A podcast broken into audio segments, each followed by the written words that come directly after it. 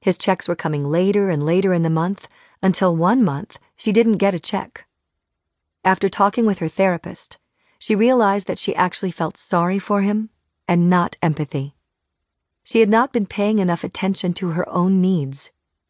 She notified the district attorney and had the payments made through the court. Later, she found out he didn't send the last check because he had used the money for his honeymoon in Hawaii. Her sympathy had allowed her to be hurt again. Empathy is non judgmental. Empathy also requires you to be non judgmental. There is no criticism in true compassion. As you work on forgiving the narcissist and yourself, you need to be aware of any hurts and offenses that you are still hanging on to and let them go. Letting go is not the same as forgetting. It means you no longer replay the hurtful experiences over in your mind to get that jolt of righteous anger, or conversely, to fuel your sympathetic reconnection with the narcissist. Condemning yourself or the narcissist does neither of you any good in the present. It will not erase what happened, nor will it keep you safe in the future. Being non judgmental is an enormous challenge. You counted on the narcissist for love, caring, emotional and financial support, companionship, and acceptance. And the narcissist did not fulfill his promises and commitments to these things. This was hurtful and damaging to you and had a permanent effect on your life. It's hard to let go of your sense of maltreatment and negligence when you're still interacting or depending on the narcissist for anything. When you see and accept the emotional disability that is at the heart of narcissism, it can make it easier to be less judgmental. You don't have to let go of your real observations, negative evaluations, or even your dislike of the narcissist's behaviors. Forgiveness is more of a neutral stance, in which you no longer honestly care about the narcissist in relation to yourself. You can see him from a distance, rather like the stranger he is. Acceptance and empathy. So, how do you accept the narcissist? By now, you may have read several books or searched the internet for information on understanding the narcissist. This book is designed to help you understand your experiences with the narcissist. Your relationship with the narcissist is, or was, a complicated dance based on delusion and confusion. To accept the narcissist, it helps to understand that you and the narcissist are quite different in how you view the world, relationships, love, commitment, caring, and much more. And your two viewpoints will never come together. The narcissist isn't likely to understand you, nor is he likely to change. Being empathetic means seeing and holding in your mind these differences while at the same time acknowledging your common humanity, fallibility, and the psychological disturbance that is or was a part of your relationship. You have the ability to change what you do and become more emotionally healthy. But the narcissist will probably always be handicapped and stunted in his ability to do so. Acknowledging the narcissist's damaged logic, low empathy, and faulty insight can help you move to a more compassionate stance without losing your own point of view. Andrew kept trying to get closure with his narcissistic former wife, Rhonda.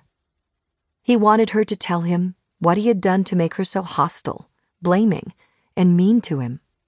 He also wanted her to understand how he felt when she had acted that way.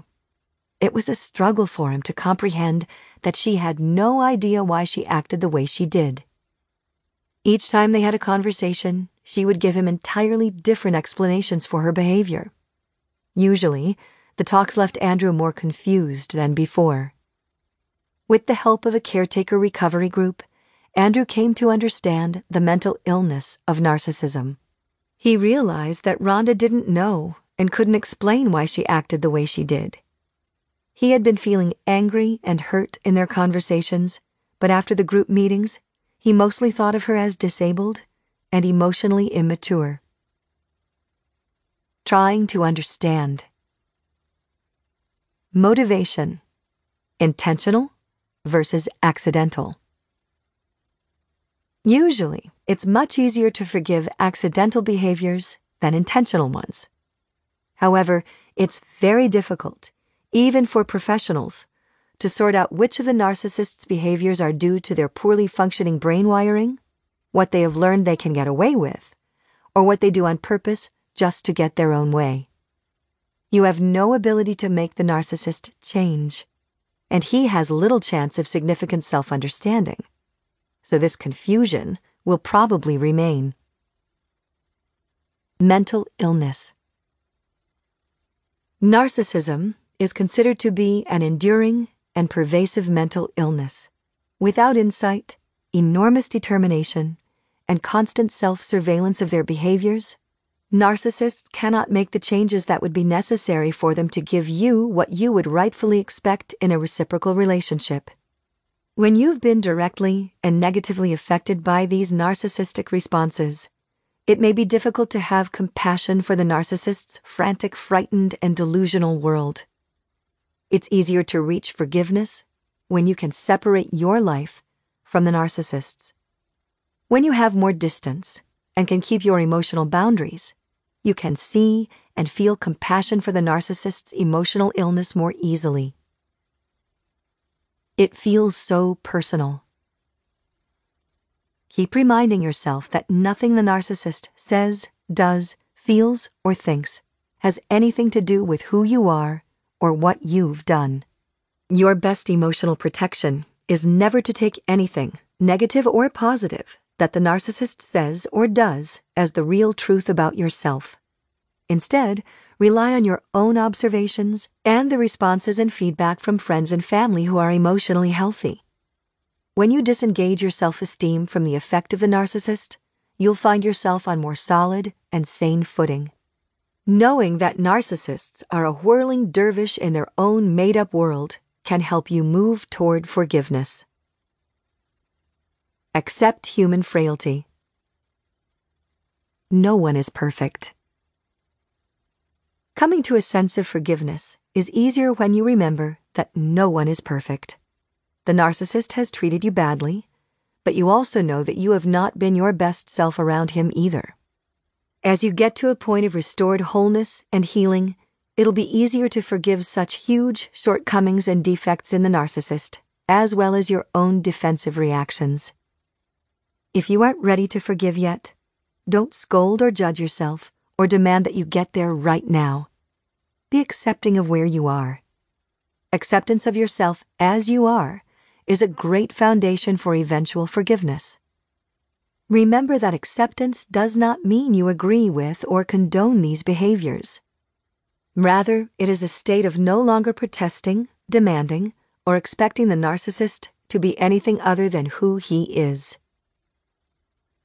What part did or do you play? Because caretakers are usually too eager to accept responsibility for making the narcissist behave negatively, understanding your part in the drama is tricky.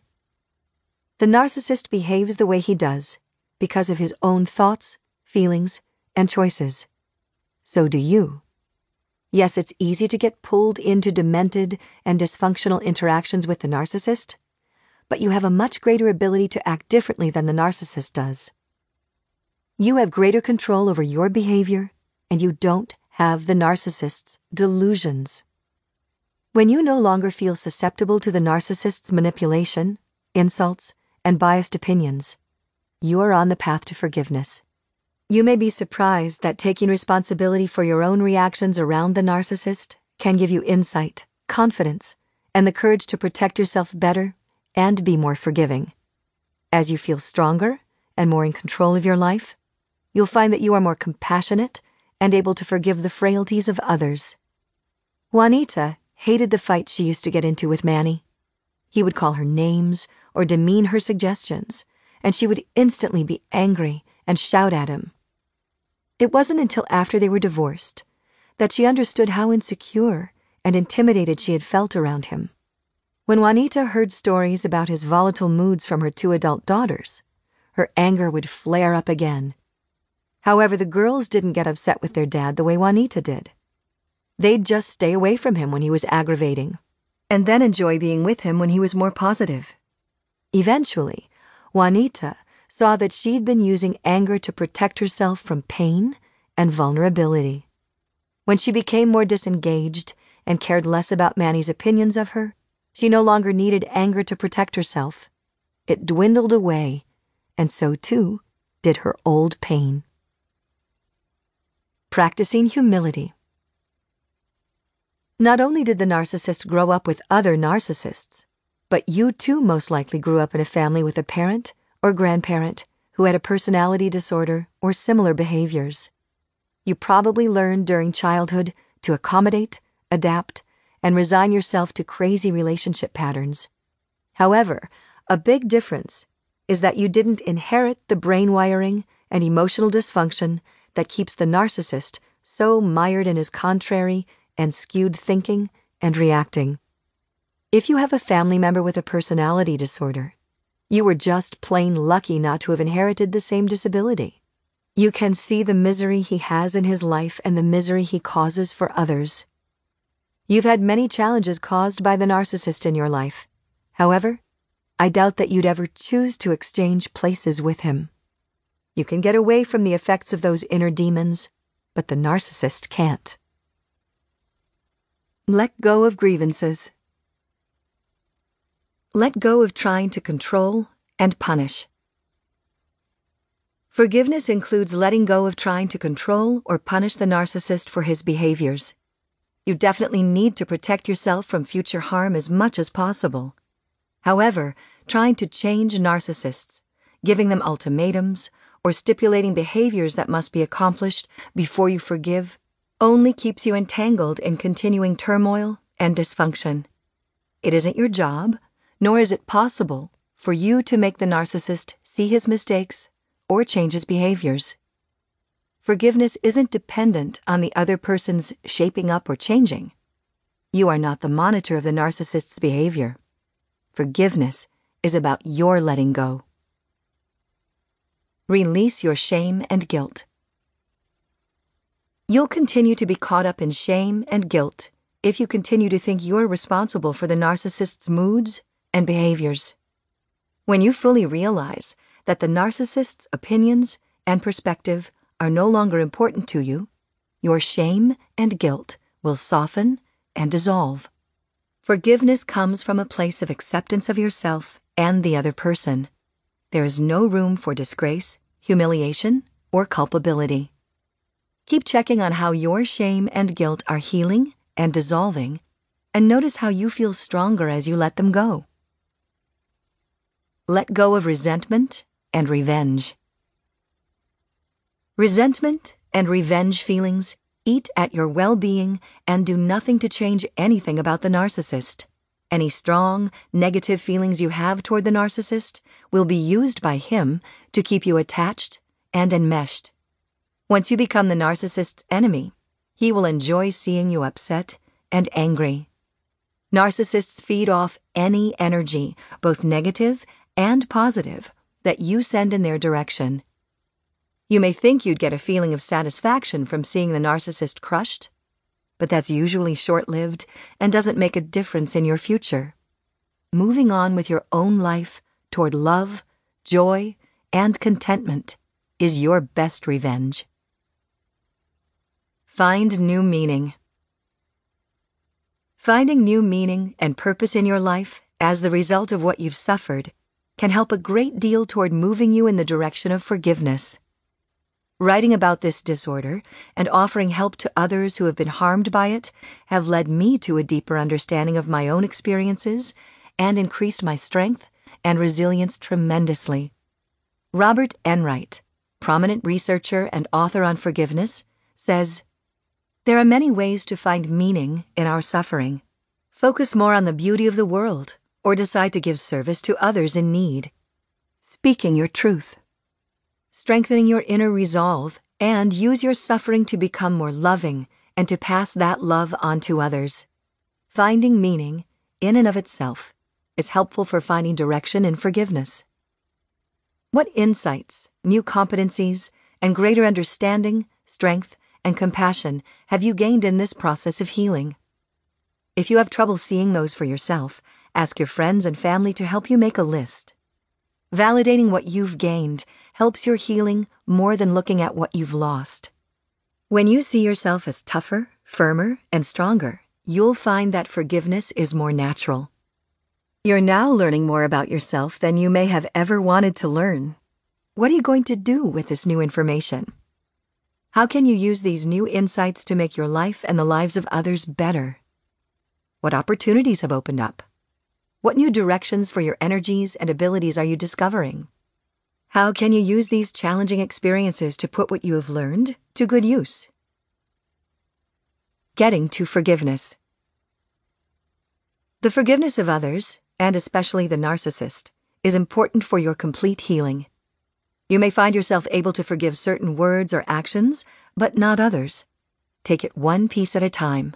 Forgive what you can, and keep working on letting go. Some things can take years to fully release. For example, one client couldn't forgive her former husband for teasing and demeaning her children until they reached adulthood. Only after she had evidence that they were strong, capable, and not indelibly harmed could she finally let go of her anger and reach forgiveness. Forgiveness changes you, not the other person. Forgiveness may help the other person, but primarily, it makes important changes in you. It is the final step in your healing. When you forgive another person, something inside of you lets go of the final piece of victimization. It probably won't completely eliminate your hurt or even all of your anger, although it might. It's an act that comes from strength and also gives you strength. It facilitates letting go of your ruminating, hostility, and rage. Continually thinking about a past injury will keep that memory in the present, whereas forgiveness lets it go. Forgiveness brings you to peace and allows the hurtful event to recede into your memory where it should be. You do not need to tell the narcissist that you forgive him. In fact, I don't recommend it. An angry narcissist will use it against you at some point, and a narcissist who has moved on doesn't care. Narcissists don't think they've done anything that warrants forgiveness anyway, so what's the point? Narcissists tend to be enraged or dismissive of your efforts, and that response can be newly damaging. Forgiving yourself. Forgiveness is a two part process. You forgive others when they have harmed or victimized you, but being victimized in this highly independent and self sufficient culture almost always brings feelings of guilt and shame. You may be angry at yourself for being gullible, taken in, or misused. Undoubtedly, you also had your own defensive, angry reactions to the narcissist's behaviors that you feel guilty about. It may help you to know that even trained professional therapists are regularly manipulated by narcissists and respond inappropriately. Narcissists are clever and highly motivated to break down your emotional defenses. They're excellent actors and amazingly talented at protecting themselves. They fully believe that everyone else is responsible for how they feel and what they do, so no arguing or logic will sway their opinions. You end up feeling infuriated and foolish. How many other people do you know who have been deceived and misled by the narcissist in your life? Do you think those people are stupid, foolish, or daft? Do you judge them for falling under the thrall of the narcissist's charisma? If you find yourself criticizing or judging them negatively, then you are probably still feeling victimized and will need to continue to work on forgiving yourself. Keep working on seeing your strengths and valuing your gains while letting go of your shame and guilt. This process can take more time than you might expect. Moving on. It's not about forgetting.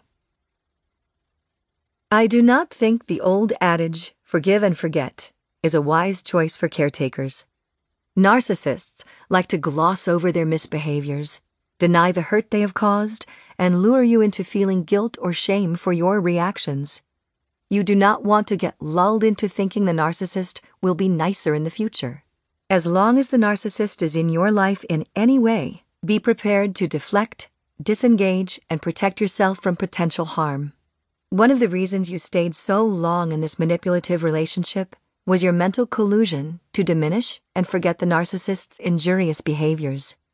It will continue to be important that you are aware the narcissist will keep behaving just as he always has. Don't expect anything different until, and if, you ever see long term changes in his moods and behaviors. Forgiveness doesn't mean that you forget the reality of the narcissist's dismissive and hurtful behaviors. Always be prepared. Anger doesn't protect you. You may think you want to hold on to your anger to protect yourself from ever being tricked or controlled again. Anger does not protect you. You were probably frequently angry throughout your relationship with the narcissist. But that anger didn't keep you from getting hurt, nor did it stop the narcissist's behaviors. Anger is a strong, energetic emotion. It can get you motivated and activated to take care of yourself, leave the relationship, or to take on new and scary endeavors, such as getting a job, moving out, and being on your own. However, when you're angry at the narcissist, you're still attached, connected, and entangled with him. Continued anger indicates that you're still emotionally involved with the narcissist. Disengagement from the narcissist's power and influence over your emotions and your life is the only way to effectively protect yourself. Forgiveness won't fully happen until your anger has dissipated enough that you no longer get strongly reactivated by the narcissist's new, obnoxious behaviors. After you've forgiven behaviors of the past, it is your responsibility to keep yourself away from further damaging interactions. Your new strength resilience, awareness, and understanding of the narcissist and yourself will be better defenses and protection than anger. Moving from victim to empowerment. The amazing thing about forgiveness is that it moves you from feeling like a victim to being empowered. It's a position of strength and potency. It feels much better than shame, guilt, resentment, or fear. Acknowledging what you've learned and gained from this challenging and arduous experience can liberate and energize you to move forward. Forgiveness helps you regulate your anger and hurt to the past. It's over. Even if or when you have contact with the narcissist again, you're forever changed and a more resilient person. Your participation in his drama is over. Disconnect your energy from the narcissist. Emotionally disconnecting and walking away is the only way to win, and the only way to end the narcissist's manipulation over you. It is your best protection from further harm and helps you regain power over your own life. It's hard to reach forgiveness with someone who is still doing the same harmful behaviors toward you, but when you stop caring and emotionally disconnect, you will feel safer, stronger, and more willing to forgive and move on. Conclusion Forgiveness moves you into the present and encourages old, hurtful memories to recede into the past. Empathy and understanding help you see the disorder of narcissism more objectively. As you heal, you can also have compassion for your anger and reactions, and you are more able to let go of your grievances, guilt, and resentment. You may even find new meaning for your life. Forgiveness is for your healing and can come only when you are ready and able to let go. Questions for reflection. How much sympathy are you doing instead of empathy? What boundaries do you still need to put into place with the narcissist? What judgments are you holding on to about the narcissist? What does the narcissist say and do that still feels personally about you? What self judgments and criticisms do you still need to release? What responses or reactions to the narcissist do you want to stop doing? What lingering resentments do you have toward the narcissist? What do you feel when you think about completely disengaging emotionally from the narcissist? What do you still need to heal before you are ready to forgive? What strengths, skills, and insights have you gained through this process? What new meanings and purposes in your life are you discovering? Chapter 16 Coming Home to Yourself. Never let yesterday use up too much of today. Will Rogers. Be here now. Being in the moment is healing. It is also the only thing that is truly possible. You can't actually go back to the past and change anything. And the future isn't here yet. Although you can plan for the future, you're not in control of what actually happens in the long run. So this present moment is actually what you have to work with. The present moment is healing partly because of what your mind tends to do with those lingering past memories and future imaginings. When you spend a lot of time thinking about the past, you tend to feel either nostalgic for what you remember as pure and wonderful, or you feel guilty for what you did, or for what you didn't do perfectly. On the other hand, most thoughts about the future are either fantasies that are likely to lead to disappointment, or thoughts that bring up fears and anxiety about what might happen that you want to avoid. Spending too much time thinking about either the past or the future keeps you anxious and guilty and also keeps you from noticing what is happening in the present. This means that you're not here in reality. You're not paying attention, and you're not enjoying or dealing with whatever is going on right now in your life. Living with a narcissist was all about the past and the future because the present was often too painful and confusing to deal with. The narcissist kept blaming you for his past mistakes while promising a new and more wonderful future. You kept trying to analyze the past to figure out what to expect next. You tried to hold on to hope for a future that would be better than what you were currently experiencing. The present was the last place you probably wanted to be. What being present feels like. To have a happier life, you need to relearn how to live in the present. The following exercise is designed to help you become aware of what now feels like. You might want to record it and then play it back so you can enjoy the experience. Task Close your eyes. Take a deep breath. Let your shoulders drop. Notice any sounds you hear. Notice the air on your skin. Now pay attention to how your body feels. Do a quick check in with each area of your body, all the way from your head down to your neck shoulders, arms, hands, back, chest, stomach, hips, thighs, calves, and feet. If anything feels tight or painful, just touch that area and gently rub it for a moment or two. Keep breathing as you do this. Now notice whether you are in a safe place. Is there any threat around you at this moment? Is anything bad happening right now? Notice whether your body is relaxed or on alert.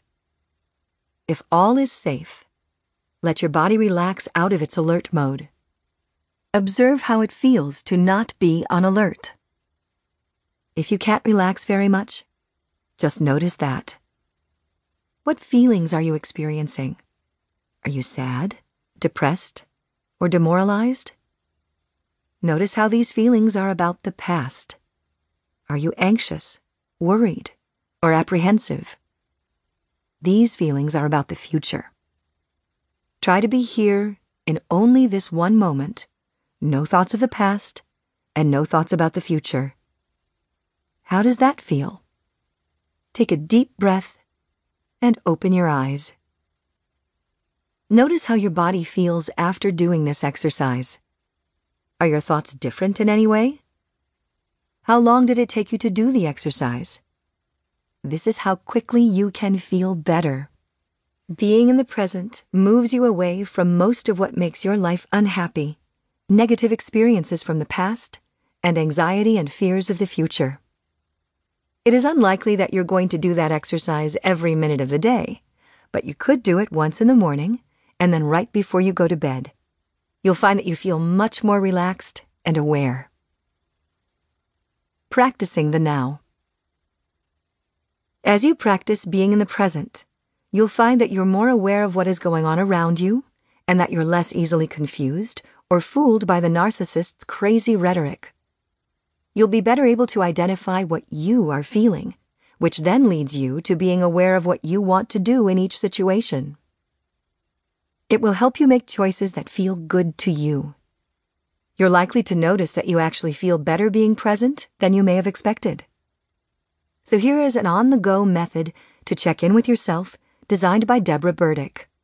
This exercise uses the acronym SOLAR, making it easy to remember.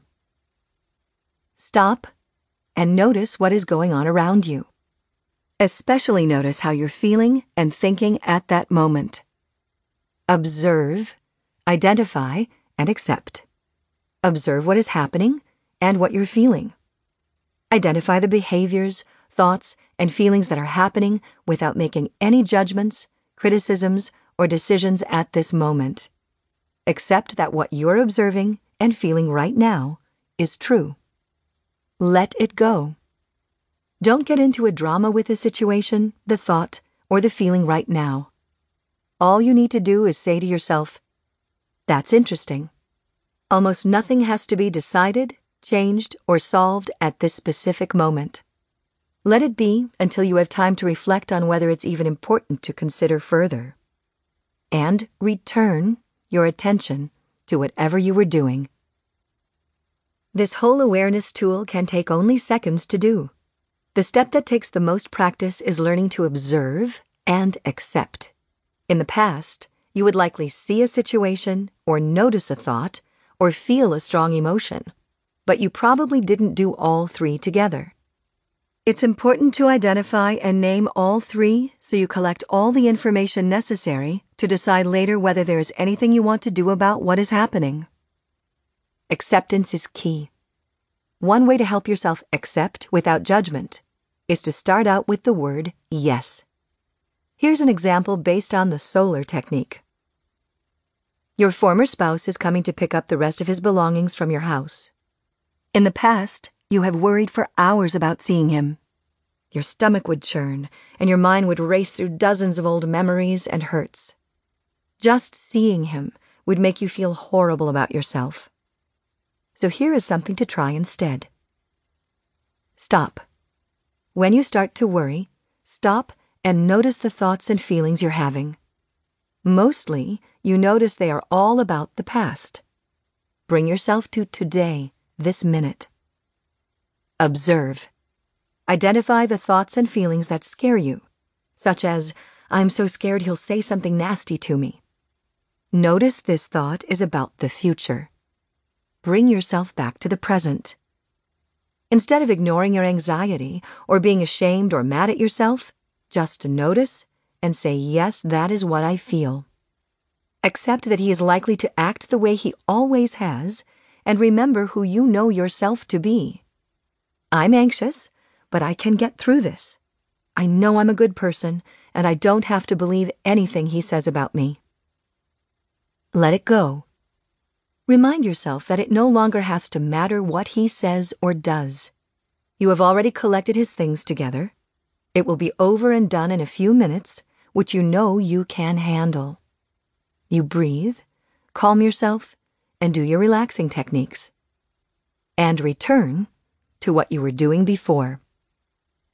Now you can decide if you want to do anything more to help resolve the feelings you're having. Solar helps you see more clearly what you're thinking and feeling so you can decide what you want to do. You're no longer ruminating and spiraling into worry and anxiety and feeling helpless. You have brought yourself into the present, where you can make a choice about what to do. Perhaps your anxiety is so high that you don't want to be present at all when he comes to get his belongings. Maybe you feel you could handle things more comfortably if a friend, your lawyer, your therapist, or a neighbor were there with you. Possibly you feel strong enough to handle it on your own. Knowing what you actually feel in the present helps you decide what plan will be best for you.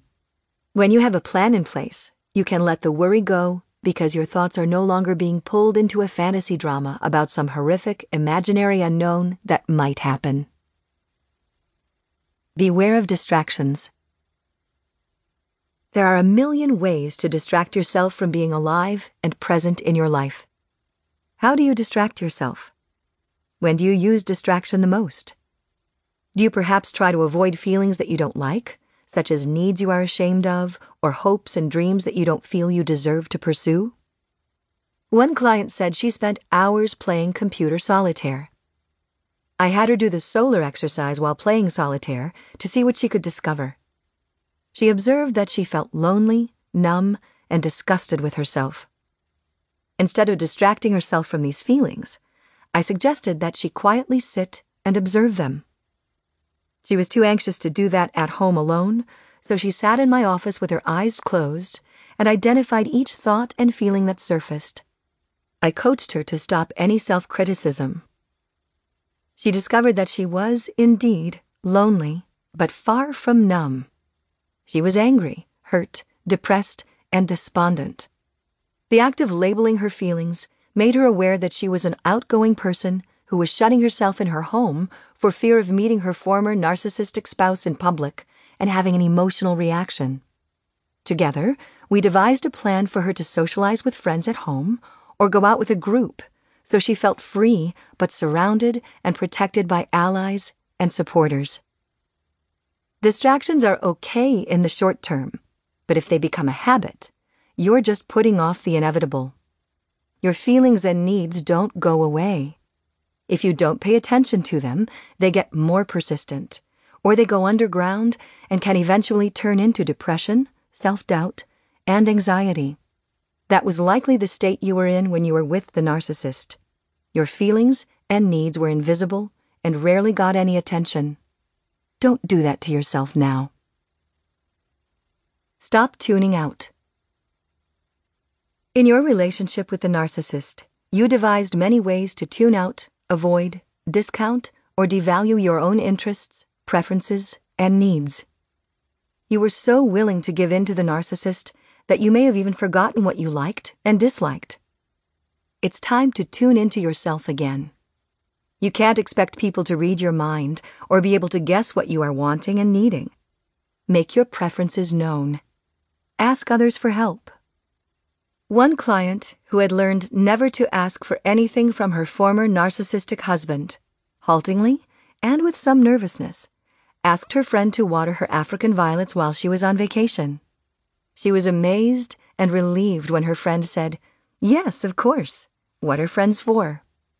You don't have to give up your own needs to have friends who care about you. Be who you are. Expose your special interests, your likes and dislikes, and your honest feelings.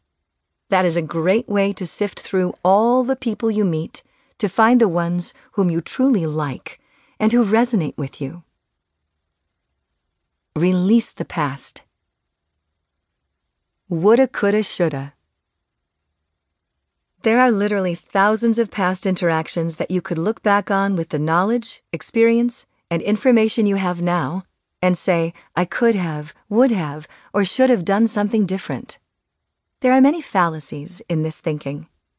Those interactions and experiences made you who you are today. You couldn't do then what you can do now because you're now different. You've gained information and knowledge about yourself and the other person since then that you couldn't use at that time because you didn't know it. You're probably mistaken about the amount of power and ability you had then to change things, especially with a narcissist. You can't go back and change the past. This whole line of retroactive negative self judgment is a big waste of energy and just makes you feel bad about yourself. What you can do instead is figure out what you want to do now when these situations come up again. Use the phrase, I will blank or I choose to blank. Identify what you'll say or do in that instance. Then file it away for future use. I've noticed repeatedly that when you figure out a good way to deal with a situation that was difficult in the past, that situation rarely comes up again. When you handle problem interactions effectively, they don't tend to reappear as often. Chewing over old experiences, doesn't help protect or prepare you to handle them in the future, but having a plan makes a huge difference. What are you still hanging on to? Too much time absorbed in injuries from the past brings up hurt, guilt, and doubts that are typically not useful for moving on in your life. Hanging on to these old grievances is much more harmful than helpful. As you're ending this relationship, now is a good time to neutralize these old injustices. The following exercise shows you a way to reduce the effect of past hurts. Task Make a list of the old situations that still hurt and make you angry. Choose one to work on. What would you like to have said or done that would have felt better to you? Write down your new response. Notice how this new response feels. You can even go one step further and play out the new response scenario in your mind in a strong and confident manner. Whenever that memory comes back, replay it with your new response. You may be surprised that over time the memory may eventually change to the new version. Use this technique with the other hurtful memories on your list and see them dissolve into the past where they belong. Repurpose your dreams. Sometimes it's hard to release the past because it contains old dreams, hopes, and goals. Many hurtful experiences with the narcissist are about those dreams and hopes being ruined. You wanted a loving relationship, a partnership, and a feeling of safety and love. You thought you were building a life together, saving money for your dream goals, buying a home, having children. Many of these dreams were tarnished or demolished by the narcissist's actions. It's time to repurpose your dreams so you can discharge this pain and regain your hopes for the future. Almost everything you wanted to do with a narcissist can be done on your own or with somebody else. There may need to be adjustments in the where, when, and how, but your core dreams are part of who you are and are not dependent on the narcissist. You are the fundamental source of these dreams. You just previously thought the narcissist was going to be a part of them. Even though the narcissist is now off in another direction, you can still move forward. Task one definition of a dream is something notable for its beauty, excellence, or enjoyable quality. Make a list with specific details of your fondest hopes and dreams for your life. Here's an example from one of my clients. Dream. Have a loving family. Details. Loving means understanding, empathy, calm, safe, secure, and genuine.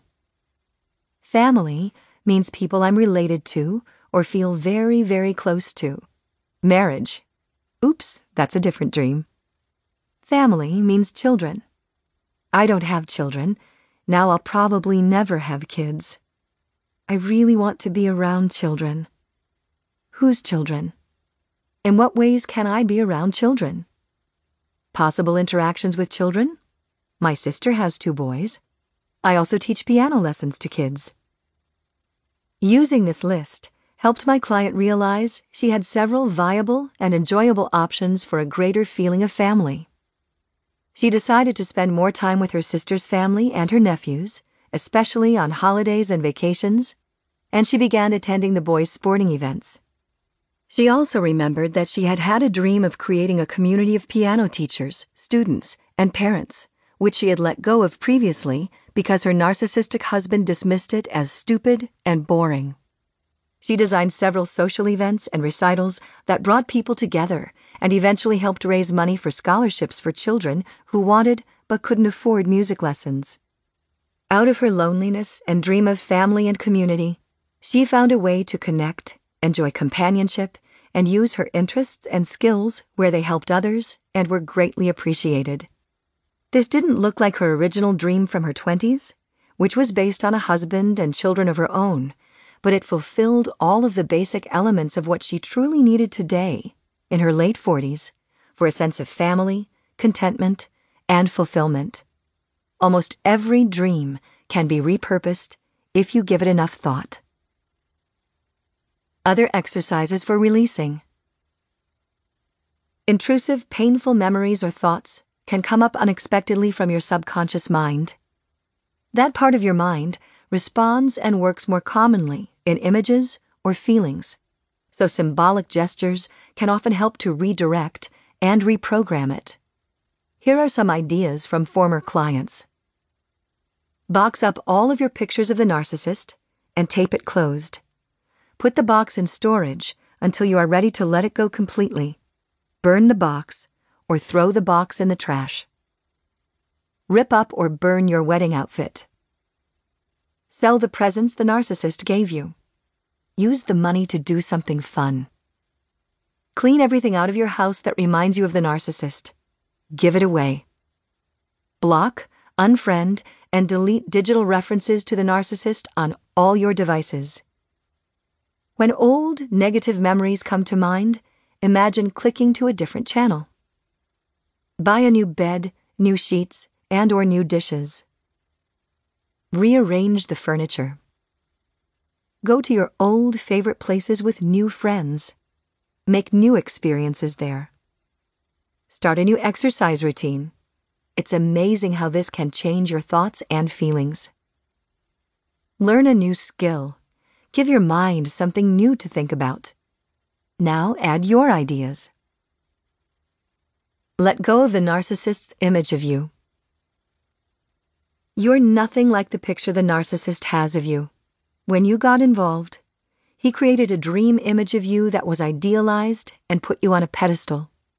The image had some of the qualities and traits you have, but it wasn't you. After the narcissist kicked you off the pedestal, his description of you was almost entirely opposite from the original picture. You aren't that image either. When you continue to carry around in your mind the narcissist's depiction of you, it will be difficult to see yourself accurately or to be free of your worry about what the narcissist thinks of you. It's time to completely let go of the narcissist's image of you. That image keeps you trapped like being in a circus funhouse of distorted mirrors. And it's time to leave. As soon as you turn your back on those painful images, you'll feel relieved and more confident and accepting of yourself. You no longer need to care what the narcissist says about you, because you're now connecting with healthier people who can easily see who you are and what you do. Just be yourself. Every time you allow others to see who you really are, the more they will like you. It reinforces that you're not who and what the narcissist says you are. Task Here's a way to let these things go. Imagine each crazy thing the narcissist has said about you as if each one were a tiny grain of sand. Let all of those grains of sand flow into a bowl. You might anticipate that the bowl would be heavy, but surprisingly, it's not. Pick up the bowl in both your hands. Take the bowl to a place that you never want to go to again. Perhaps the desert, or the North Pole, or the deepest point in the ocean. Set the bowl down gently. Turn around and leave. As you visualize this, I suggest that you actually pick up a bowl in both of your hands and then set it down because it will make the experience more vivid in your memory. As Dr. Seuss said, be who you are and say what you feel. Because those who mind don't matter, and those who matter don't mind. Good words to live by. Reducing future fears. What ifs? 99% of all the what ifs that we invent never come to pass. Future fears are one of those pastimes that waste energy, create havoc, and expand your anxiety for no good reason.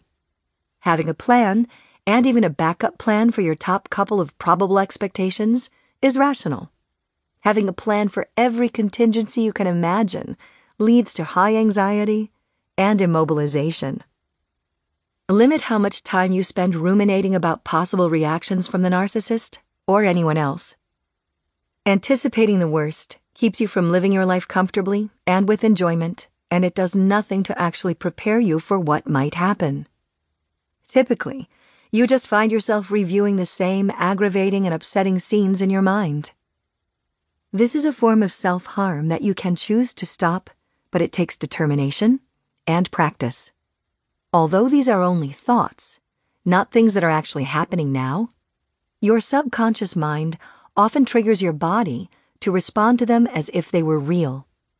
This is exhausting and can cause chronic stress symptoms, all instigated by your racing thoughts. Getting over the habits of worrying and being anxious is worth the effort. Anxiety doesn't just occur randomly. It's triggered by your anticipation of something vague and unpredictable happening at any moment. If you've spent many years on the edge not knowing what crazy or distressing thing the narcissist might say or do next, your entire mental and physical systems may be over responsive, always on guard and ready to freeze or run away. It may take a while to dial down your overreactive alarm system. Remember the solar exercise about tuning into the present moment and practice it daily. When you find yourself going to the past or the future, gently bring yourself back to the present. Don't be harsh or critical in any way. Find things that engage your attention right now so it's less tempting to let your mind wander. One client imagines an internal bell that she rings in her mind whenever she notices herself worrying or feeling anxious about something that hasn't happened yet or may never happen. It's her self reminder to stop and move on to other thoughts. Each time you change your thinking from fear to calmness, the less anxious you'll be and the happier you'll feel. Dial down your anxiety. Self nurturing and self compassion are good steps for relaxing and lowering your anxiety. To fully heal, you need to take self nurturing seriously and build it into your daily routine, not just for now, but forever. Think of self kindness and compassion as medicines that you need every day to heal and regain your strength. You'll also need to use them in the future to keep yourself from returning to caretaking behaviors. What nurtures you?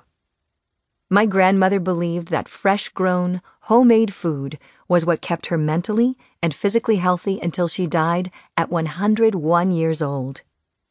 Here are some other examples a 10 minute walk outside, music hugging yourself, weekly massages, reading a book, calling a friend who listens, making art, quiet time with yourself.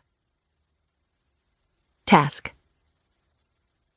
Make a list of what nurtures you and pick one thing to do for at least five minutes every day. Make a date with yourself once a week to spend a full hour doing something nurturing for yourself. Think you don't have time? Poppycock. Take some time away from taking care of everyone else and give it to yourself. It will give you more energy, joy, and much more enthusiasm and love to give to others than you had before. You have to fill up your own reservoirs of need before you have enough to give to others. Every time you give energy out to others, you have to replenish. One reason you got stuck in an unhealthy relationship was because you quit taking care of your own needs. Your ability to soothe, nurture, and calm yourself is invaluable in lowering anxiety, healing, and maintaining emotional strength. Alcohol, drugs, smoking, overeating, or nonstop TV watching can be quick ways to calm yourself, but they'll eventually bring more stress and problems than they relieve. Try the exercises in this book instead. Personal Safe Haven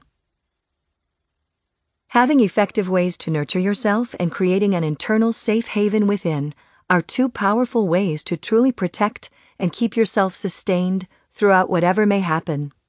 You can train your mind to create an internal sense of safety and well being instead of using anything outside yourself, such as chemicals, food, stimulation, or other people. Try this visualization. Task Think about a place that feels safe, nurturing, and comfortable to you. Imagine you are there right now. What feels good about this place? Notice your body relaxing. Take a deep breath and relax even more. Bring to mind something or someone that helps you feel cared about and loved. As you notice that good feeling, help it grow and expand until you experience it all over your body.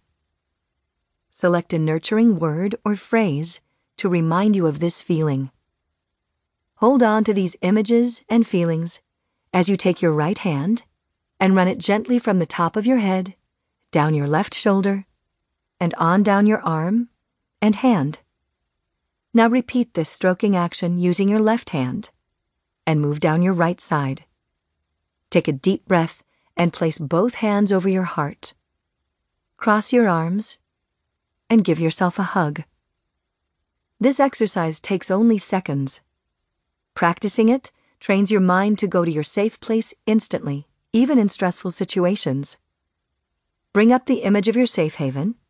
Gently touch your head, shoulders, or arms, or say the word you selected, and your mind and body will calm. It's your home base that you carry with you wherever you go. The more you use it, the stronger and more composed you'll feel. Create a code of well being. According to Dave Ramsey, when you base your life on principles, most of your decisions are made before you encounter them. Use your principles to create a core set of rules or code of well being to guide your life and head you in the direction you really want to go. Too often, caretakers use the rules and preferences of the narcissist rather than their own principles. Task You've learned a lot of hard lessons from your relationship with the narcissist. To create a code of well being, write down the insights and guiding principles you've learned as a result. Use words that resonate and feel empowering to you. Keep it posted somewhere and add to it whenever you learn something new. You might also want to write down why each one is important to you as a reminder. These will be invaluable guides for the future. Here are some principles that former clients have shared. Never give more energy out to others than I am currently receiving into my life. Give others a chance to give back. Don't try to fix anyone else's life. Don't try to do the emotional work for others. For example, read books for them, call a therapist for them, make excuses or apologies for them, give them more chances than you would give yourself, or say it doesn't matter. Don't deny or ignore any feeling that comes up. Don't blame anyone else for my feelings. Never go along to keep the peace. Better to deal with the problem now than later. You could also create a collage of images to represent each principle to anchor it more strongly in your mind. Ask a trusted friend or loved one to remind you of your standards when she or he sees you getting off track, if you feel comfortable doing that. When you keep in mind what you have learned, no one else can mislead, scam, or threaten you into acting any way other than what is right for you. When you know you're living by your code, you'll be less anxious because you are ready to handle whatever comes up. Finding your people. For thousands of years, humans lived in clans and villages where nearly everyone was related in some way. In each little group, people tended to look alike, talk alike, and have the same values and beliefs. It felt safe. Choices were made as a family about marriage partners, work, and property. In just a few hundred years, all that has changed. Now individuals are required to make every life decision on their own. This has advantages, but it also has disadvantages, such as anxiety, the possibility for huge mistakes, and a sense of loneliness due to lack of community. Since you aren't automatically in a clan or village of like minded people, you have to find your people. That is, your own sense of belonging, your own friends, career, spouse, and community. And because people move around a lot more, you may have to continually work to find your people. How to do this well has become one of the dilemmas of the modern age. Obviously, you've found out that narcissists are not your people. But who are your people? To find where you feel you really belong, you have to know who you are, what you want, what you believe in, and how you want to live your life. When you know these things about yourself, you'll know what kind of people you're looking for. Most people enjoy others who are similar to themselves, but who are enough different to be interesting, and who bring new information and talents into the relationship. I'll say more about this in the next chapter. Moving forward. Appreciate yourself. Gratefulness toward others can be a catalyst to appreciating yourself. Other people love, support, and help sustain you as you do the same for them. You are just as important to others as they are to you. Appreciating what you give to others is essential to learning your value as a person. Most caretakers think they need to give five or ten times more to others than they receive to be a good person. This actually means you are devaluing what you offer at five or ten times less than what you receive. This inevitably creates an imbalance in your relationships and can lead to your being undervalued and exploited.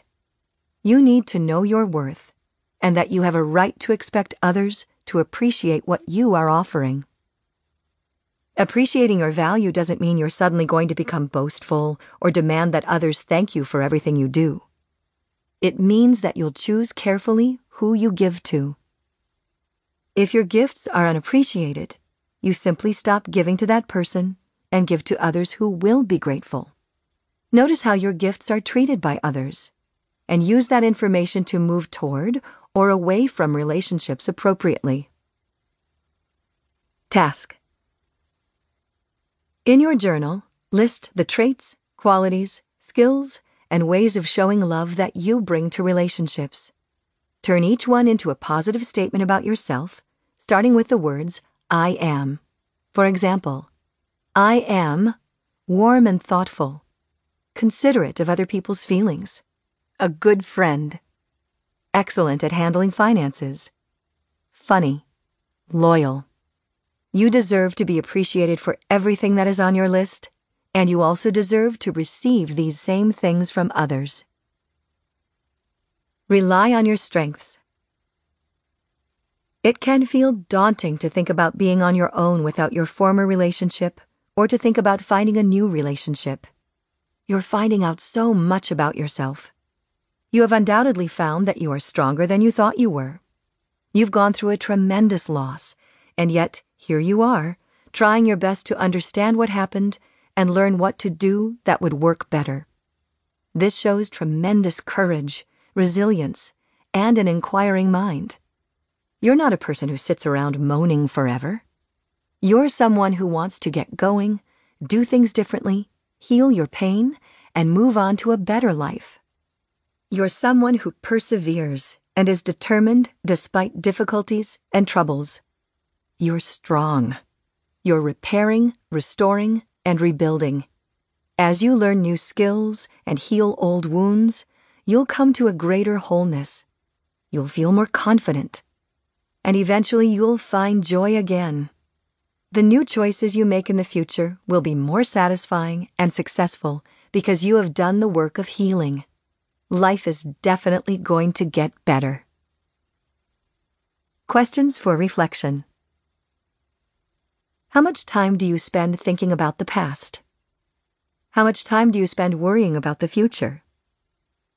When you did the solar exercise, what did you notice? How do you distract yourself? How helpful or hurtful are those distractions? How much do you let others know what you are thinking and feeling? What fears do you have about being more open and truly yourself around others? What regrets are you hanging on to? How could you let them go? What past dreams would you like to repurpose? What do you still need to release? How do you plan to do that? What helps you reduce your anxiety? How quickly can you get to your safe haven? What does it feel like there? What principles or code of well being have you identified for your life? How can you become more aware of your value to others? How much do you appreciate your strengths? Chapter 17 Finding Others to Love. And then the day came when the risk to remain tight in a bud was more painful than the risk it took to blossom. Anais Nin. Love others as you love yourself. Caretakers believe that if they give enough love, they will be loved in return. This doesn't work with narcissists, who have a low ability to love others. Louise Hay, the author of You Can Heal Your Life, suggests that you fill yourself up with love, and then as you overflow, send that extra out to others. This is love that won't deplete you, won't leave you empty and needy, and won't abandon you. If someone doesn't appreciate your gift of love, you just pull back, knowing that it will not leave you wanting because you are always filling yourself up. In addition, this method reduces fears of being alone, unloved, or rejected. How do you do this? There are three ways to fill up with love. Be open to love from others, feel love from universal energy, and love yourself through self-care and a positive, compassionate attitude toward yourself. Love from others. Being around loving, supportive people who are interested in your well-being is important to your feeling filled up. Too much isolation, too much time thinking about the past or the future, and overgiving can lead to feeling empty and lonely. You need to get attention and validation from others to be seen, heard, and responded to. Other people pull you into the present when you interact, which makes you feel alive and joyful. You exchange energy with others and feel rejuvenated. Accepting and allowing others to love you can do a lot to fill you up. Universal love and energy. I also believe that it's important to have a conduit to universal love. You may call this God, or Allah, or Yahweh, or a higher power, or all enveloping love, or universal energy, or whatever you choose. When you know deep in your heart that you belong, that you deserve to be alive, and that you have not just been left on this earth to fend for yourself, then you have access to energy that can carry you through hard times. This energy, however, can be hard to connect with when everything seems to be going wrong. You can feel very alone and empty then. Here is one way to get back in contact with that energy. Task Focus on your breath. Your breath is the energy of life that surges through you in every moment. Where did it come from? You have this breath of life just as everyone else on earth has it. Do you deserve it any less than anyone else? Every time you breathe in, you are accepting this gift of life.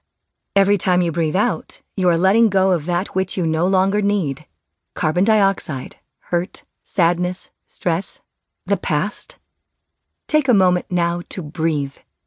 Get in touch with your own source of life. Focus on your feet.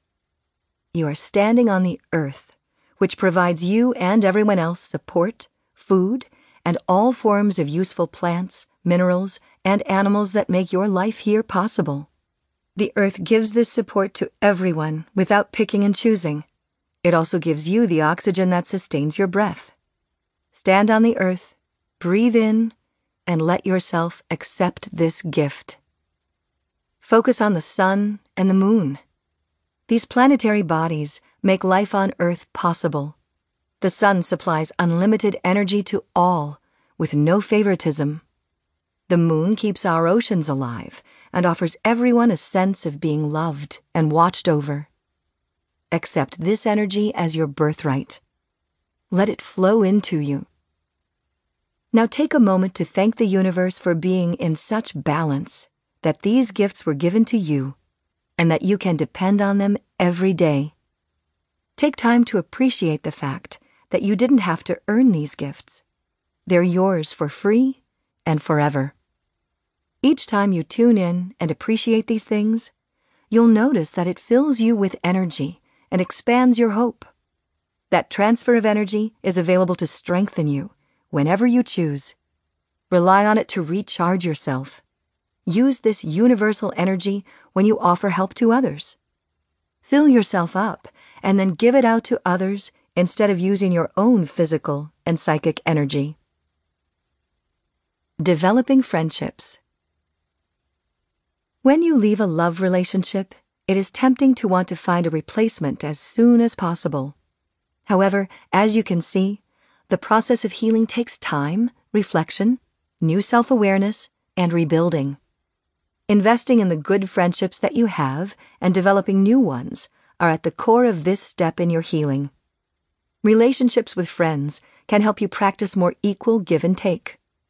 You can open up and share deeper parts of yourself. You can try out new skills, such as setting boundaries, speaking up for yourself, and being more assertive. With friends, you can see yourself more objectively, practice skills, and try out new responses. It's important to have a solid set of friends before going back into a love relationship. You will need their support, as well as their observations, insight, and honest responses to evaluate anyone new who comes into your life. You may not agree with everything they have to say, but you can use this information to make better decisions as you move forward. Opening to love again. Your former caretaker role may have left you so exhausted and burned out that you think you'll never want to be in a relationship again. You may not trust your own ability to see who will and won't be suitable for you. On the other hand, you may be desperate to get into a relationship again to soothe your pain and loneliness. As long as you're in either of these states, you're probably not healed enough to choose wisely. However, there will come a time when you are ready. When you feel content with your life, and it feels full and joyful, you'll find yourself willing and able to share your life with another person. As you heal your emotional pain, rebuild your self esteem, and learn to accept caring from others, you'll find the life you are looking for. Or it may find you. Fear, desperation, depression, and anxiety can all get in the way of your being open to love again. As you heal the pain from the past, you'll be ready to choose who to bring closer and who to move away from. Your principles will be guiding you rather than neediness or fear. Knowing that you can take care of yourself, you'll no longer be desperate to find someone to make your life okay. You can begin to count on your feelings to lead you toward people, experiences, and choices that will resonate with who you are and what you truly want for your life. Red flags. As you explore new love relationships, always stay aware of your responses. Never discount any feeling that comes up. Consider your feelings, intuition, and keen observations and use these to understand yourself and the other person. As soon as you notice any sense of things not feeling quite right, step back, observe, and give full consideration to what you are noticing. Here's a summary of the red flags I give out to my clients to help them spot when things aren't quite right in a new relationship. Move away from the other person and evaluate your situation before going forward whenever you feel engulfed, controlled, or manipulated. See an emotional double standard in the relationship. Experience your feelings being denied, criticized, or dismissed. Feel unheard or not listened to. Notice the other person always needs to be right. Feel your self esteem diminishing. See a need in the other person to control the money for his or her benefit. Feel there is something not right, for example, secrets or unexplained behaviors.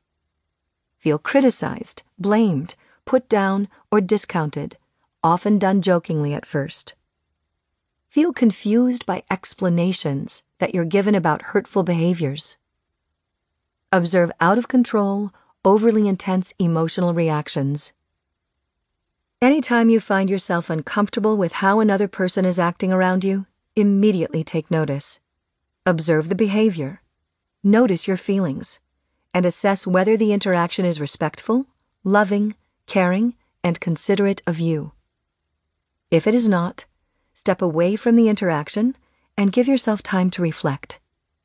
It may also be wise to talk with someone you trust about the situation to get perspective and feedback. Then decide what you want to do or say. Take every new relationship slowly to give yourself time to trust your new skills and instincts. You may also find when you move toward a new love relationship that your old caretaking behaviors automatically kick in. Keep a close eye on your behaviors as well. Be aware of when you do any of the following things. Give up activities, people, or goals that are important to you to be in this relationship. Feel hopeless and helpless for seemingly no reason. Forget what is important to you. Find yourself giving in to keep the peace. Condone behaviors that are against your values. Do more and more for the other person. Feel unappreciated for all you do. Tell yourself you don't have any preferences or passions that are worth fighting about. No longer easily express your thoughts, feelings, and ideas. Try harder to please when you are treated badly. Ignore or forget to take good emotional, physical, or spiritual care of yourself. These behaviors don't indicate that you should end the relationship. They're reminders of things to notice and think about. Assess whether the other person is inviting you to caretake him or her. On the other hand, you may be caretaking even when the other person doesn't need or want you to. Be aware of automatically jumping into caretaking responses and take steps to change those responses. You may feel awkward and uncomfortable as you approach a new relationship without caretaking. Always be aware as you navigate a new relationship. Keep at it and you'll find it gets easier. Finally, don't waste your time on relationships that aren't leading you where you want to go. What are you looking for? What are you looking for? Have you ever sat down and written out the qualities you desire in a partner? Or set up standards for the types of interactions you yearn for? Have you created a picture in your mind of how the two of you would work together, spend time with each other and apart, resolve differences, get along with each other's family, spend and save money, divide up chores, and experience your sexuality? Talk about it sooner rather than later. Don't wait until you decide this is a serious relationship to share your ideas and feelings about these things. Telling yourself to wait and see what the other person's ideas are is a caretaking response. The wonderful advantage of being open and clear about who you are, what you feel, and what you prefer from the moment you meet someone is that you zero in more quickly on whether the relationship will be compatible for you. It means that you can sort out what won't work early on before you get too emotionally committed. Then you're less likely to spend months or years trying to convince each other to see things your way because you don't really work well together. When you use the wait and see model, you'll already be emotionally and sexually involved before you even find out if the relationship has the potential to work for you. A stronger relationship model. Having a well defined model of what you want based on your principles will help you sort through your options when you meet someone new. This gives you a solid foundation for judging the core elements of the relationship while providing for flexibility and individuality. Partnership relationships tend to be more stable and durable than the superior inferior model you had with the narcissist. They require two people who can contribute ideas, tolerate different points of view, and negotiate disagreements and have equal consideration. Because you'll be more aware of your differences, you'll also need to have good communication skills and flexibility. However, these differences have the potential to result in higher quality decisions and greater longevity of the relationship. Needy or dependent relationships, such as between a narcissist and caretaker, resemble the letter A, both people leaning on each other. This model collapses if one person steps away by thinking differently or wanting to do anything separately. The partnership relationship resembles the letter H. It's pretty easy to see that the H shape is much stronger and allows each person to stand on his or her own while still being connected. Two strong, independent people bonded together can move forward more easily and weather difficult times much more effectively than two dependent people. Be careful what you ask for. Think back and consider what you were looking for in a love partner when you met the narcissist. What was it that appealed to you about him? Make a list of these things and compare them with what you are looking for now. What is similar and what is different? Certain combinations of characteristics can be very appealing, but are also very likely to bring another narcissist into your life.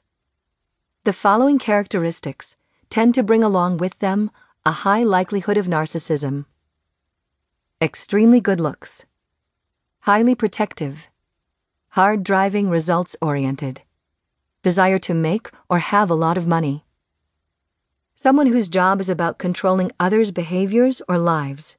For example, pilots, surgeons, lawyers, politicians, positions of great power.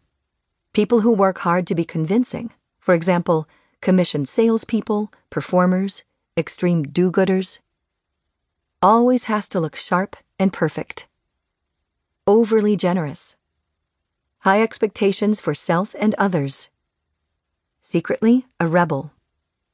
Obsessive compulsive. These things aren't always correlated to narcissism, so look below the surface at the person's deeper, more emotional responses. However, be wary and cautious. Don't overlook good possibilities. When you were being a caretaker, your tendency was to look for a partner who really needed your help or someone who would take care of you. Your emotional radar was more strongly tuned to those who were struggling and needing assistance or those who seemed powerful, influential, and in control. You may have completely overlooked and ignored the possible partners in between. Clients who have been married to narcissists often say they find this middle group boring, uninteresting, mundane, and unexciting. However, that group also tends to be reliable, steady, loyal, and devoted. They go to work, help others, take out the trash with a smile, adapt gracefully to new or difficult situations, share easily, cooperate, and like working as a team. They typically enjoy relationships with a balance of give and take. They share the load and take you as you are. Were any of these qualities on your ideal list? I hope so, because there are a whole lot of these people in the middle, available, and willing to really share a life with you. Amy had been married to a cardiac surgeon for 10 years. She had everything she wanted a fabulous house, expensive vacations, lots of beautiful clothes, and entertaining social events. However, Steve was demanding, distant, critical, and extremely egotistical. Amy had always thought she wanted a husband who could provide well financially, until that's all she had. She couldn't take the emotional loneliness anymore and asked for a divorce. For a long while, Amy didn't date at all. Then she dated a number of men using her old criteria, but she feared she was making the same mistake. One evening, after the biking club's group ride, she and Josh, one of her biking friends, went for a drink. Amy confided that she was probably never going to feel brave enough to get into another relationship because she kept picking the wrong guys. Shyly, Josh said, Why don't we go out? We're already friends. What would it hurt? Amy had never considered Josh before. He was the director of a nonprofit organization that provided after school programs for kids. He didn't fit the picture of who she usually dated, but she found out that he did match the list of qualities she wanted. They were married two years later, and they now work together, running programs for children all over the city. What love really feels like.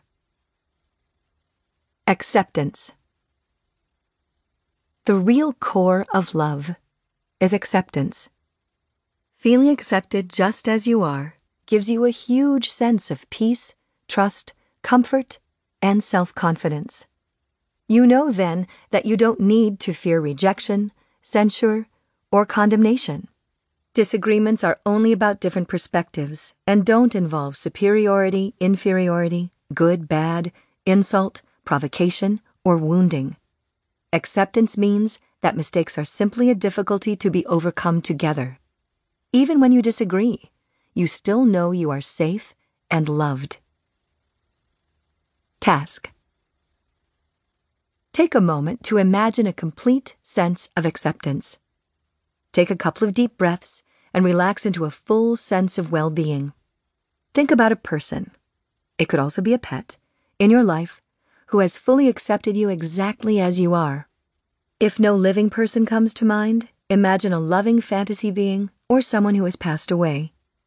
Feel that person or being looking at you with complete love, even knowing your imperfections.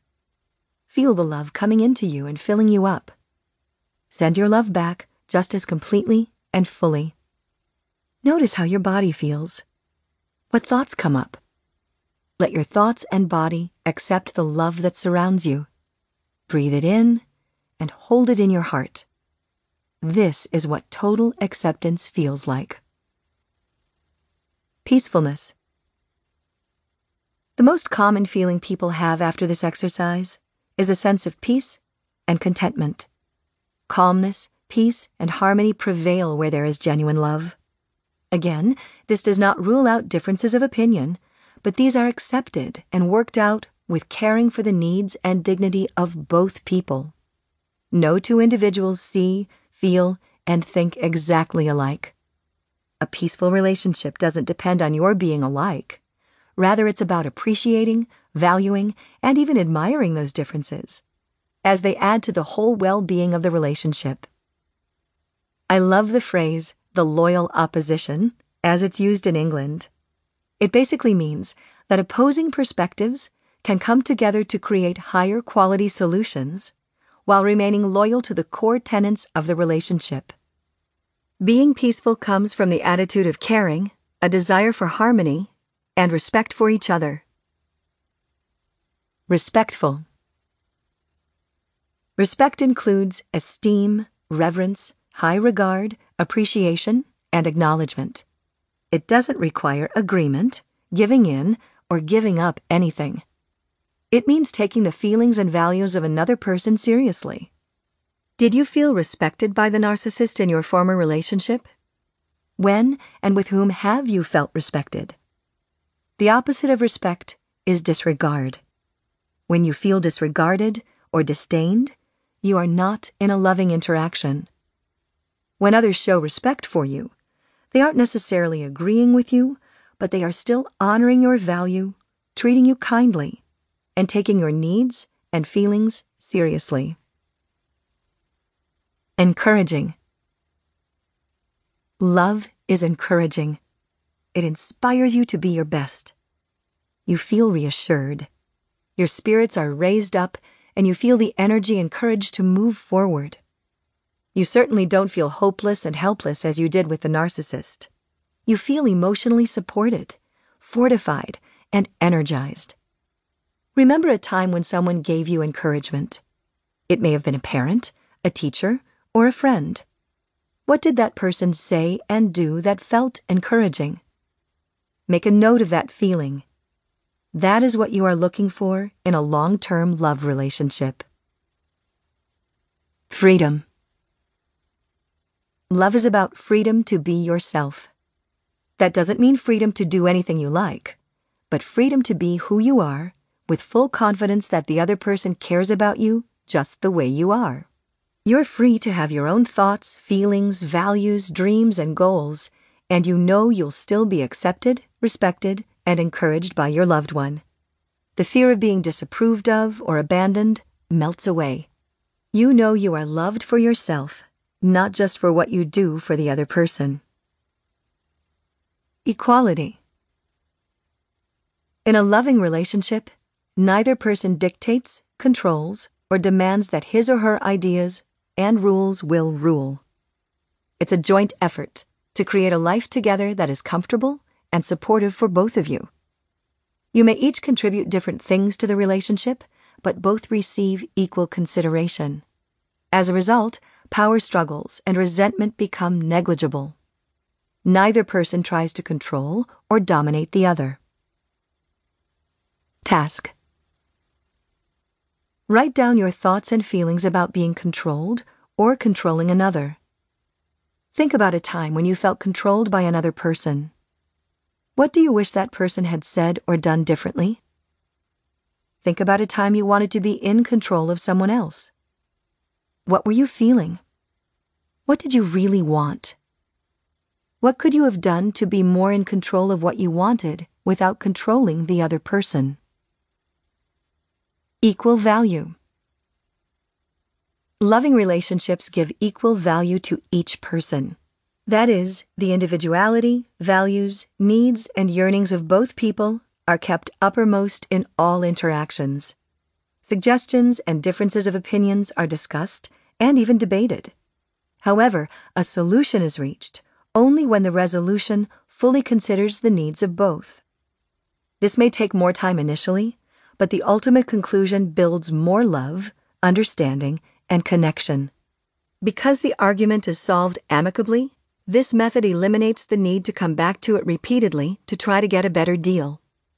Each feels safe, at ease, protected, and sheltered with the other.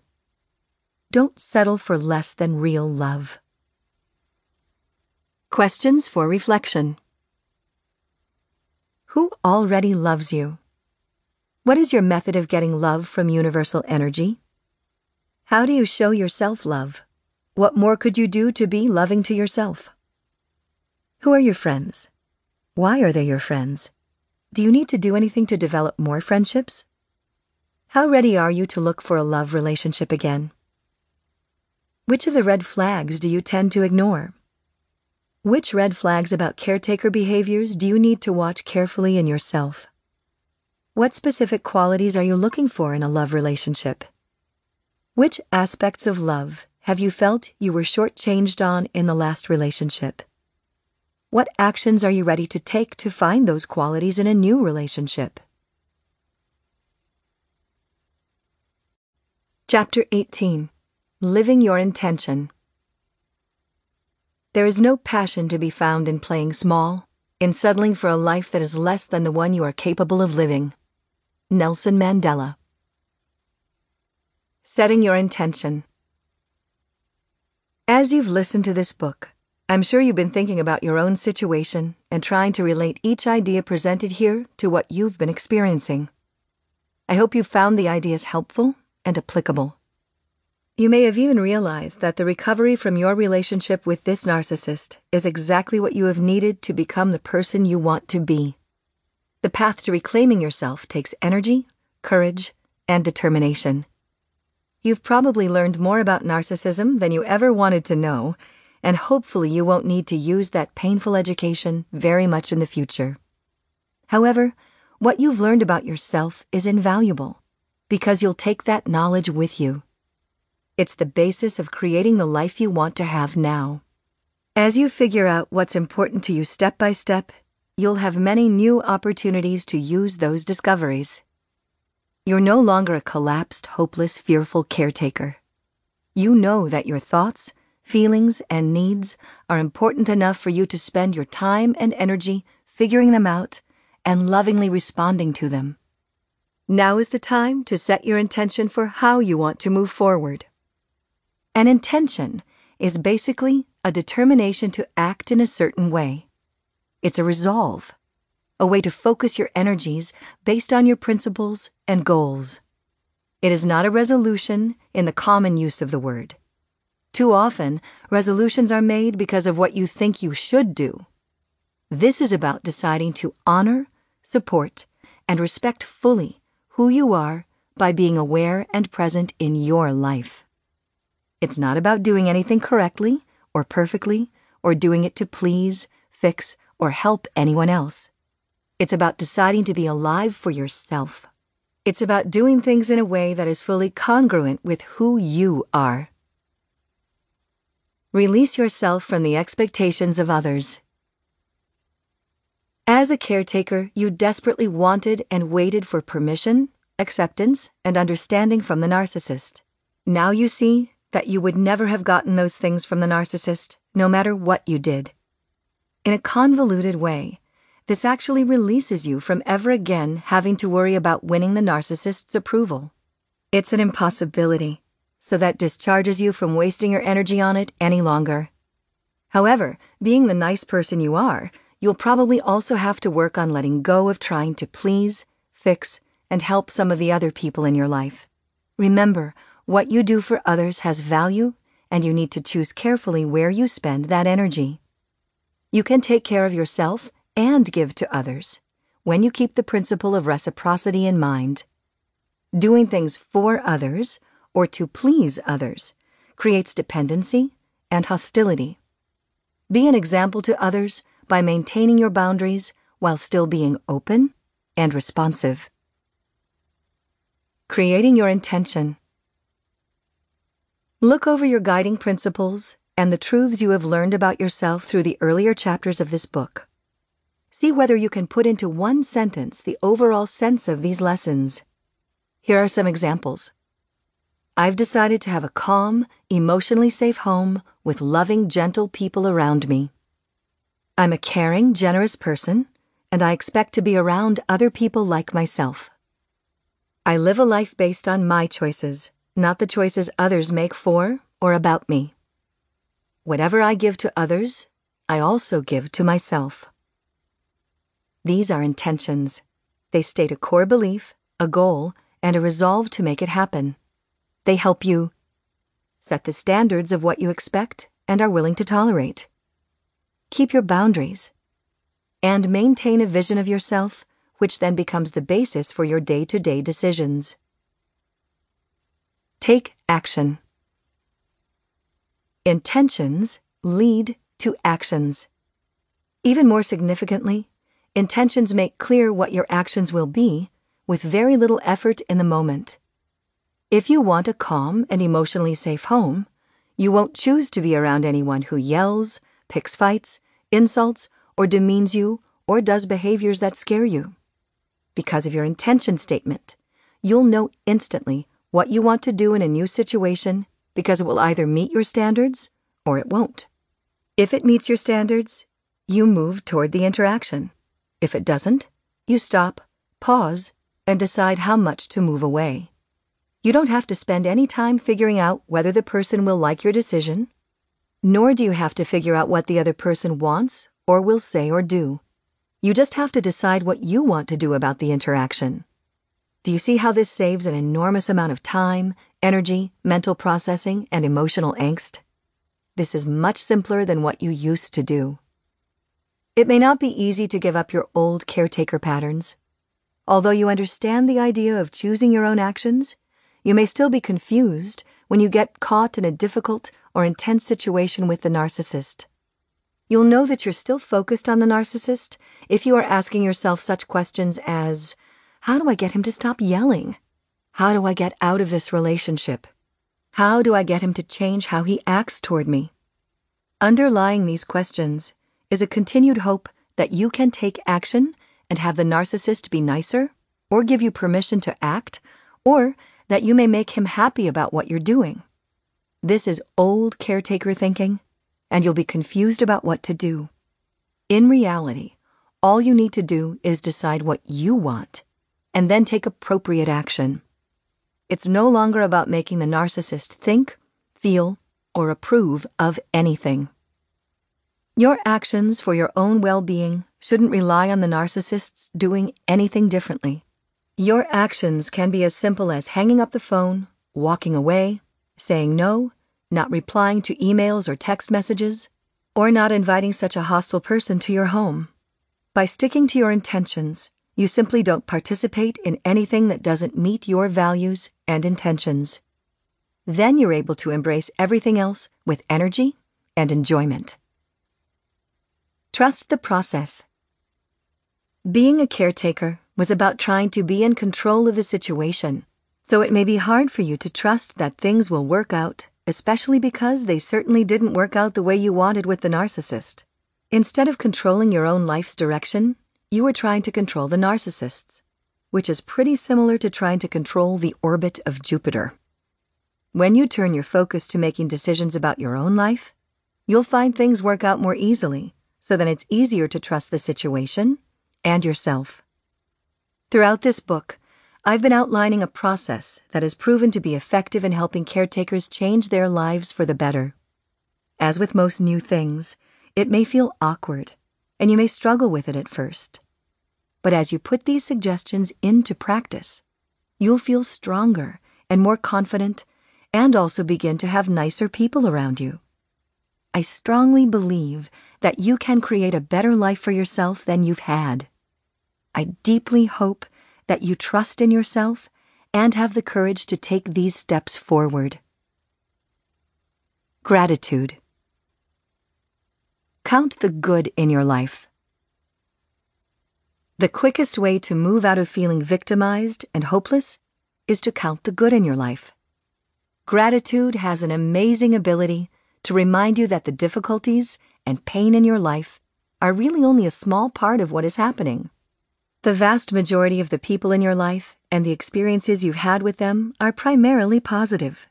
When you spend too much time looking out for danger and disaster, you can forget what is actually working well. Task One way to get a picture of this good in your life is to create a diagram. Take a large piece of paper and write your name in the middle of it. Then, in a circle around your name, write the names of the closest and dearest people in your life. Beyond that, create a circle of the names of friends, acquaintances, and others who are directly supporting and encouraging you. The next circle of names will be people, organizations, and community members who are helpful to you. Create another circle in which you identify your resources, such as your job, home, money, transportation, education, and helpful experiences. The next circle includes the people and institutions that protect your rights, such as police officers, lawyers, courts, laws, advocates, and mediators. Finally, surrounding all of these circles are your spiritual supports, including your code of well being and your overall beliefs about good in the world. Keep this diagram, your circle of loving support, in a visible place where it can remind you of all the good in your life and the support you have. If there are gaps in any of your circles, reach out and fill them with new people, being thankful for these new additions. Give yourself some time to experience a feeling of gratefulness for each person and entity in the circle and notice the resulting effect. The benefits of gratitude. The feeling of victimization diminishes for each awareness you have of the love, kindness, and support around you. You may need and want more support, but appreciating what you already have helps you feel worthy to reach out for more. You have value and importance to others. You're the only you in the world. Be grateful for this uniqueness. Gratitude increases your self esteem and self confidence. It can help you relax because you know who you can call on for support and what resources are available. Gratefulness reminds you that you are not alone. You belong to a community. The narcissist tried to keep you disconnected from others. Now you have the freedom to reconnect. Humans can't survive or prosper alone. We're a species that needs to function in groups. We need other people. Let yourself reach out and ask for help and continue to offer help to others. Just try to keep it more balanced. We are interconnected. Gratefulness is the glue that keeps those connections strong. Task Like most things, gratitude increases the more you use it. Take time each day to look at your circle of support diagram. Let yourself feel the caring and support from each person by saying his or her name, remembering a kindness, seeing that person's face. Then send your love and appreciation back to him or her. Gratitude is a circle of giving and receiving. Keep it flowing. This only takes a few minutes, but it can change your day. You may find it enjoyable to keep a gratitude journal in it, you record good things that have happened to you each day. Keeping such a record provides tangible evidence of positive experiences that you can review. Too often, we notice the painful things that happen each day, but we don't take enough time to be aware of and deeply feel the many lovely things that also occur. Never give up being yourself. Be exactly who you are.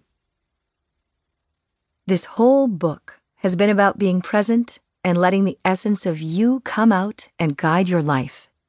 Yes, that's self focused, although not selfish.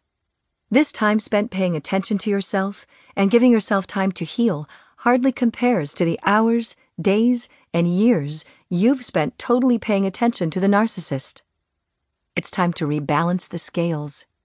You were not taking you seriously.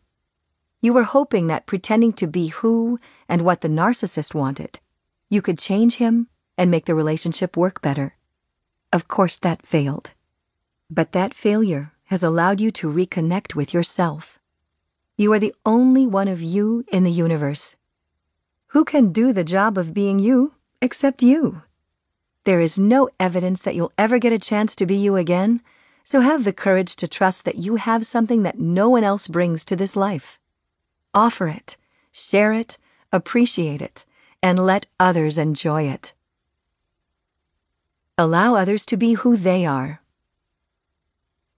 Giving yourself permission to be who you are and live the life you want makes it logical that you would be willing to let others do the same. Letting the narcissist go hinges strongly on your letting go of trying to change him.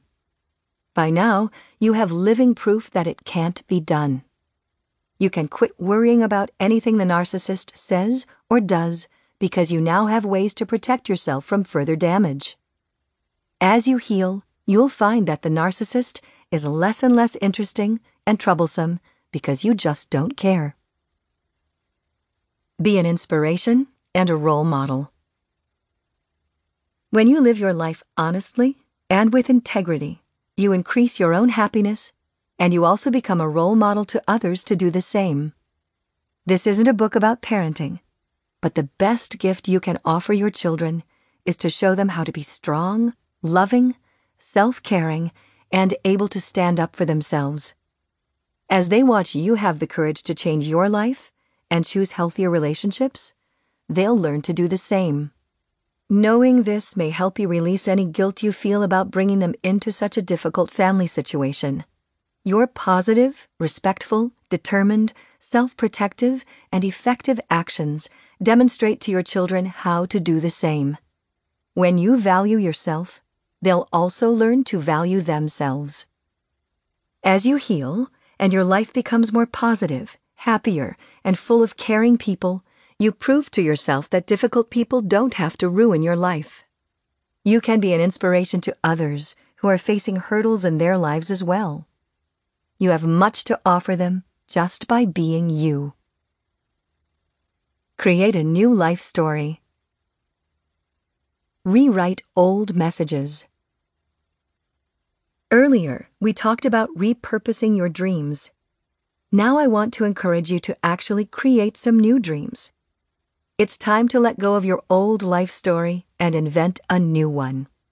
When your life changes, your dreams need to change. Take an active part in deciding where you want your life to go from here. Rewrite those old, hopeless defeat messages with a new, hopeful tone. Take each negative self thought and switch it around with a new message of self truth. Here are some examples. Old. I'm such a fool for believing what the narcissist promised me. New. I'm a trusting, good hearted person who believes in the good in others. Old. I'll never recover from this relationship. New. I'm strong and I have made it this far. I have the courage to make a new life. Old. I always mess things up. New. I'm not perfect. I learn from my experiences and I see myself moving forward to a better life. Old. If the narcissist couldn't love me, I must be unlovable. New. I'm lovable and capable. I love myself and others love me. I'll make a good life for myself. Remember, the words you say to yourself about yourself have profound power. They are the foundation for your attitudes, life decisions, moods, and emotional energy. Be aware of your self talk and make sure it's directing you toward the life you are moving into, not the life you're leaving behind.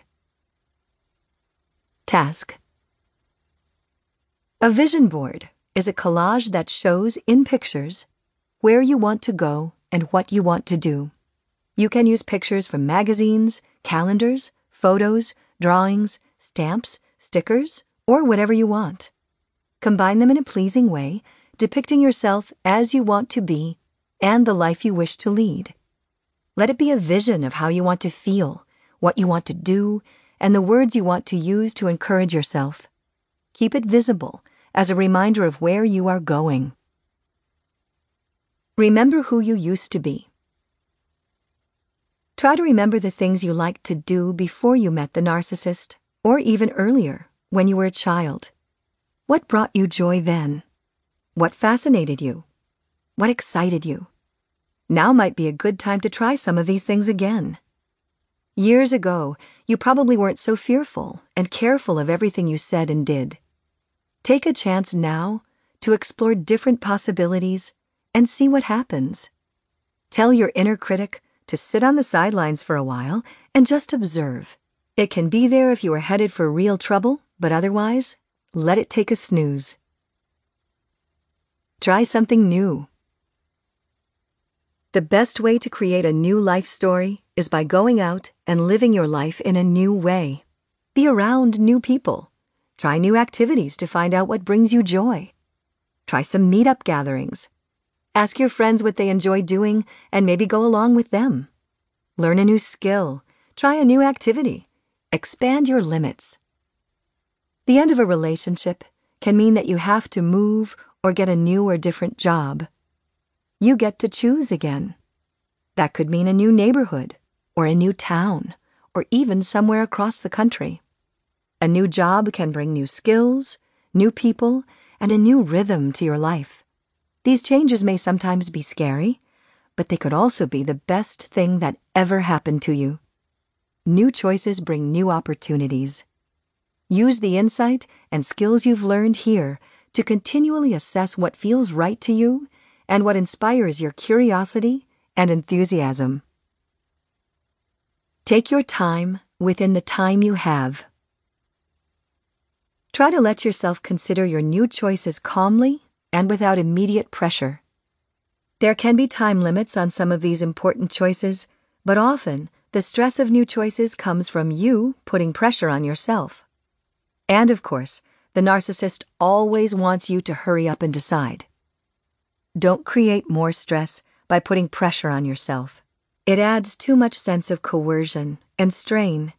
Give yourself time to breathe, contemplate, consider, check in with your feelings, check the facts, imagine yourself in the new situation, make lists, check with your trusted friends and advisors, and then decide for yourself. Always ask yourself, what do I want? The choice is yours, and it doesn't have to match what anyone else would choose. Finally,